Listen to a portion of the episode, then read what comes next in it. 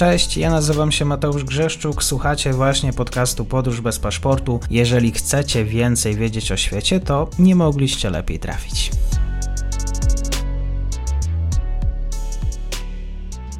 Dzień dobry Państwu, dzień dobry wszystkim słuchaczom. Jesteśmy na Bałkanach. Mam wielką przyjemność dzisiaj gościć. Jest ze mną dr Jan Muś z Instytutu Europy Środkowej. Będziemy rozmawiać o Słowenii. Dzień dobry, kłaniam się. Dzień dobry panie redaktorze, dzień dobry Państwu.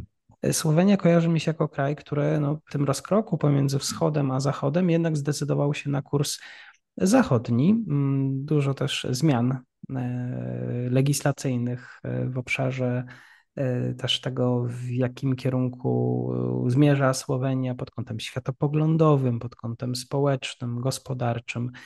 No i pytanie, czy, ten, czy ta Słowenia również ma ambicje, żeby być takim no, liderem jednak regionu, e, biorąc pod uwagę słabość też niektórych e, państw bałkańskich? Słowenia rzeczywiście jest e, przede wszystkim największym wygranym rozpadu Jugosławii, jeżeli nie jedynym wygranym rozpadu Jugosławii. Patrząc tak z perspektywy jakości życia i, i miejsca, w którym się obecnie poszczególne państwa znajdują.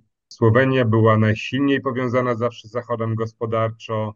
Turowa, zawsze te wpływy austriackie były jednak tam widoczne w tych Alpach y, południowych, słoneczna strona Alp. Także Słowenii dużo bliżej do Czech niż do Słowacji. Klasa polityczna miała jasną wizję przez ostatnie lata rozpadu Jugosławii, właśnie w jakim kierunku zmierzać, y, biorąc pod uwagę to, że czuli się zawsze wygrani, o tak. Tak, tak, to było zdecydowanie, to było mniej więcej tak jak w Polsce tutaj i w innych państwach y, Europy Środkowej, to było zdecydowanie, zdecydowanie na zachód, zdecydowanie do NATO, zdecydowanie do Unii Europejskiej.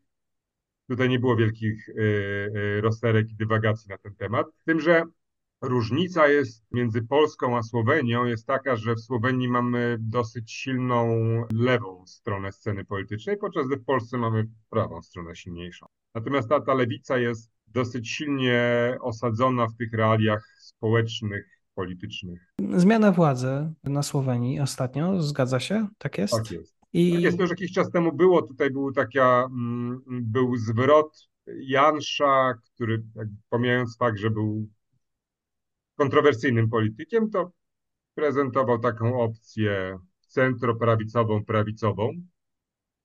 Natomiast nastąpił silny bardzo zwrot liberalny. E, I tutaj mamy rząd Roberta Goloba, który wchłonął inne liberalne partie.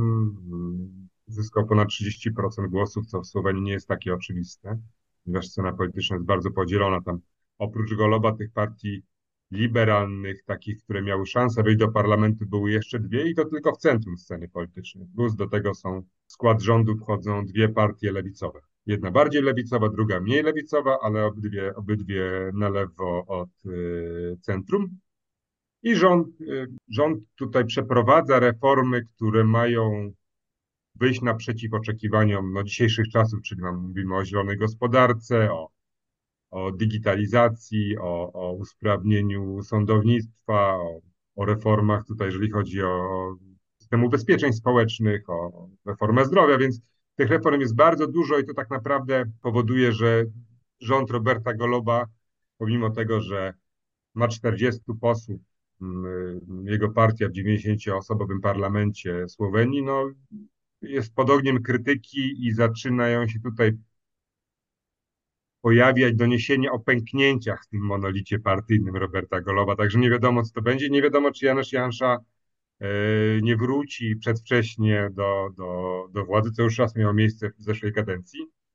I przy czym należy tutaj dodać, że Janusz Jansza też jest wytrawnym i, i, i aktywnym politykiem i na przykład udał się do, do Ukrainy e, na trzy dni, już nie pamiętam dokładnie, ale kilka dni przed oficjalną wizytą Roberta Goloba na, w Kijowie pojawił się Janes Jansz. Ostatnia wizyta. E, dzisiaj jest tak, tematem tak. naszej rozmowy i też myślę, że w tle oczywiście to, w jaki sposób e, Słowenia chce realnie wpływać e, na region Bośnia i Hercegowina. Przed przyjazdem do Kijowa i przed tak naprawdę jeszcze roboczą wizytą Roberta Goloba Andrzej Plemkowicz przy, przyleciał do, przepraszam, do, do, do Słowenii. Robert Golo podwiedził Bośnię i Hercegowinę. I teraz Słowenia przede wszystkim nie ma żadnych roszczeń terytorialnych wobec innych państw Bałkanów Zachodnich, znaczy wobec innych państw byłej Jugosławii, w ten sposób. Nie prowadziła tak naprawdę z nikim wojen, więc ma tutaj carte blanche, dosyć, e, e, dosyć silną carte blanche, ma. Dosyć rzeczywiście taką czystą tą, tą carte blanche, ponieważ jedyne o co się w historii można czepiać tej Słowenii to to, że za szybko wystąpiła z Jugosławii, nie uzgadniając tego ruchu tak naprawdę z innymi republikami, co doprowadziło do, do gwałtownego przyspieszenia tego rozpadu, no i tam wojen. Ale y, y, y, postrzeganie Słowenii na Bałkanach czy w Europie Południowo-Wschodniej jest bardzo dobre. Przede wszystkim dlatego, że jest to państwo rozwinięte gospodarczo, mówiące języku podobnym do serbo-chorwackiego i nie wysyłające żadnych nacjonalistycznych, terytorialnych roszczeń. Znaczy państwo, które oferuje jakiś tam jakiś duży, czy stosunkowo wysoki poziom rozwoju gospodarczego, a jednocześnie nie wysuwa żadnych roszczeń, tutaj żądań i tak dalej, i tak dalej, co, co, co w Europie Południowo-Wschodniej jest, jest bardzo, bardzo częste. Na przykład weźmy pod uwagę tę politykę bułgarską wobec Macedonii, czy politykę serbską wobec Kosowa, czy wobec Bośni i Hercegowiny, czy wobec Czarnogóry, prawda? Więc to nie jest takie oczywiste. Słowenia też jest jednym z największych inwestorów w regionie. I tutaj pozycja Słowenii jest porównywalna do Austrii, Włoch czy, Niemiec. Ta Słowenia zawsze gdzieś tam jest w pierwszej trójce, w pierwszej piątce, w zależności od państwa. Przypomnijmy, że mówimy o Słowenii, która ma 2 miliony mieszkańców. W związku z tym jest, jest, jest państwem. Natomiast tradycyjnie słoweńskie firmy szukają tańszych środków produkcji, które znajdują się rzeczywiście za miedzą, czyli w republikach byłej Jugosławii. E, ten model gospodarczy był już trwał tak naprawdę w czasie mm, y, y, trwania jeszcze byłej Jugosławii, gdzie tutaj, gdzie, gdzie po prostu gdzie rozwinięte gospodarczo, czy rozwinięta gospodarczo Słowenia korzystała z dostępu do siły roboczej, siły nabywczej w mniej rozwiniętych republikach jugosłowiańskich. I ta Słowenia, jej gospodarka, jej interesy, jej wpływy gospodarcze, jej inwestycje odgrywają no, bardzo poważną rolę w, regionie Bałkanów Zachodnich, szczególnie w Serbii i Bośni i Hercegowinie. E, I jako taka, no, Słowenia ma dużo więcej do zaoferowania niż, niż, niż na to by wskazywało jej, tak powiem, liczba ludności tego, tego, tego państwa. Mm, I sobie stosunkowo dobrze z tym wszystkim radzi. Także tak, no. Czy zatem idą jakieś konkretne, inaczej, może Polska jest krajem być może o podobnym, znaczy Słowenia raczej o podobnym potencjale do Polski, to jest zupełnie inaczej pewnie rozpatrywać w innych kategoriach, ale mm, mówi się często o tym, że no Polska jest zbyt dużym krajem na Europę Środkowo-Wschodnią, ale zbyt małym na to, żeby odgrywać jednak e, rolę większą w, w tej części świata. E, czy podobnie jest może z Słowenią? Czy zatem idą jakieś konkrety pod kątem też biznesowym, bo mówmy się, to często pieniądz decyduje, lokowanie kapitału, e, drenaż, o tak nawet słowo, firmy w, z kapitałem obcym w danym państwie. Czy słoweńskie firmy sobie w jakiś sposób przedsiębiorcy tutaj radzą za rządem? Słoweńcy, Słoweńcy sobie, słoweńskie filmy sobie doskonale radzą. Przede wszystkim te rynki postjugosłowiańskie są doskonale przez nich rozpoznane i, i spenetrowane. I tutaj tak naprawdę mieliśmy krótką przerwę w latach 90., gdzie, kiedy trwały konflikty zbrojne, ale tu jest powrót do, do tego, mm, co było wcześniej tak naprawdę. I dlatego też mamy tą wizytę Roberta Goloba w Bośni i Hercegowinie, gdzie, gdzie Robert Golob stara się z jednej strony oczywiście zrobić dobre wrażenie, że wjechał do, do do państwa, któremu Słowenia pomogła uzyskać status kandydata do Unii Europejskiej, ale tak naprawdę Słowenii bardzo zależy na stabilizacji tego regionu, ponieważ dla nas wybuch jakiegoś tam konfliktu odpukać, czy wzrost e, napięć międzyetnicznych e, na Bałkanach jest troszkę abstrakcyjny, bo nas to bezpośrednio nie, nie tutaj no do nas nie, nie, nie dojdzie. Prawda? Większość ludzi u nas w Polsce też nie będzie miało tak naprawdę takie mgliste będzie miało pojęcie, kto z kim walczy i o co. Natomiast to zaangażowanie gospodarcze Słowenii na Bałkanach no, powoduje, że, że to sytuacja w tym regionie jest dla tego państwa, ma dla tego państwa kluczowe znaczenie. Więc tutaj Robert Golob stara się odegrać z jednej strony taką rolę polityka, który przyjeżdża właśnie bez żadnych roszczeń, żeby się pokazać, żeby pokazać, że jesteśmy na dobrej drodze w kierunku, w kierunku członkostwa w Unii Europejskiej, też Jacy czy my Serbowie, e, a z drugiej strony stara się zabezpieczyć mm, roszczenia, e, zabezpieczyć e, no, tutaj sytuację tak, żeby nie, nie, nie stwarzała zagrożenia dla, dla, dla gospodarki, dla inwestycji słoweńskich. Co więcej, w słoweńskiej prasie pojawił się wątek, że to przeznaczenie, bo tam Robert Golob, Słoweńcy przeznaczyli milion euro na walkę z przestępczością zorganizowaną. I teraz prasie słoweńskiej pojawił się, pojawił się taki wątek, który wskazuje na to, że Robert Golob chce dotrzeć do informacji, w jaki sposób Janusz Jansza brał w Bośni i Hercegowinie pieniądze, czy te pieniądze przez Bośnię i Hercegowinę przetaczał.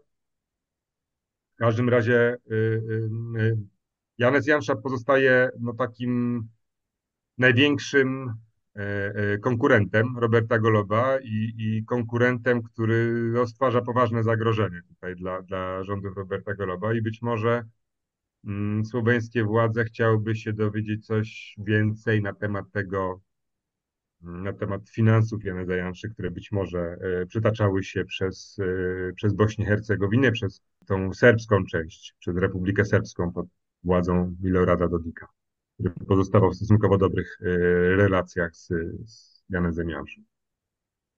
Zostaje mi też zapytać, jakie była ewolucja, jeżeli była jakaś ewolucja stanowiska e, Słowenii wobec tego, co się dzieje na wschodzie? Czy to jest właściwie partner aktywny, który, którego możemy rozpatrywać e, w tej układance? Robert Golob do tego poszedł bardzo pragmatycznie. Znaczy, wszyscy i w Słowenii, i w Chorwacji, Serbii są świadomi tego, że są małymi państwami, jakby nie zawrócą kijem rzeki na pewno. Y, natomiast Robert Golob ewidentnie dochodzą do nas sygnały, że chce ciągnąć ten konflikt, czy, czy, czy chce, aby na tym konflikcie skorzystał mm, słoweński przemysł zbrojeniowy, który jest no, ograniczony, ale mimo wszystko ten ciężki przemysł tam się w Słowenii znajdował. I Robert Golob, który był biznesmenem i tutaj e, odnajduje się w tych realiach, jakby widzi potencjał dla słoweńskiej gospodarki. I ostatnio, wczoraj pojawiła się informacja, że chce, żeby Słoweńcy produkowali e, pociski tego największego kalibru, 155 mm. Z tym, że nie wiadomo, czy, czy tutaj, czy, czy, czy słoweńskie fabryki są w stanie produkować te 155 mm te pociski dla Ukrainy, ale E, no, Słoweńcy, Słoweńcy pomimo swoich takich mm, generalnie lewicowych poglądów i troszkę innego rozumienia układu sił e, na świecie niż ma, ma to miejsce w Polsce, opowiadają się za, za Ukrainą i za walką Ukrainy o, o swoją niepodległość, bo to większość ludzi e, Słowenii rozumie. Bardzo dziękuję za dzisiejszy komentarz. Doktor Jan Dziękuję również. Kłaniam się. I to już koniec na dzisiaj. Zapraszam na profil podcastu Podróż bez paszportu na Facebooku, Instagramie i Twitterze. Zachęcam też do wsparcia mojej pracy na serwisie Patronite oraz Buy Coffee. Do usłyszenia.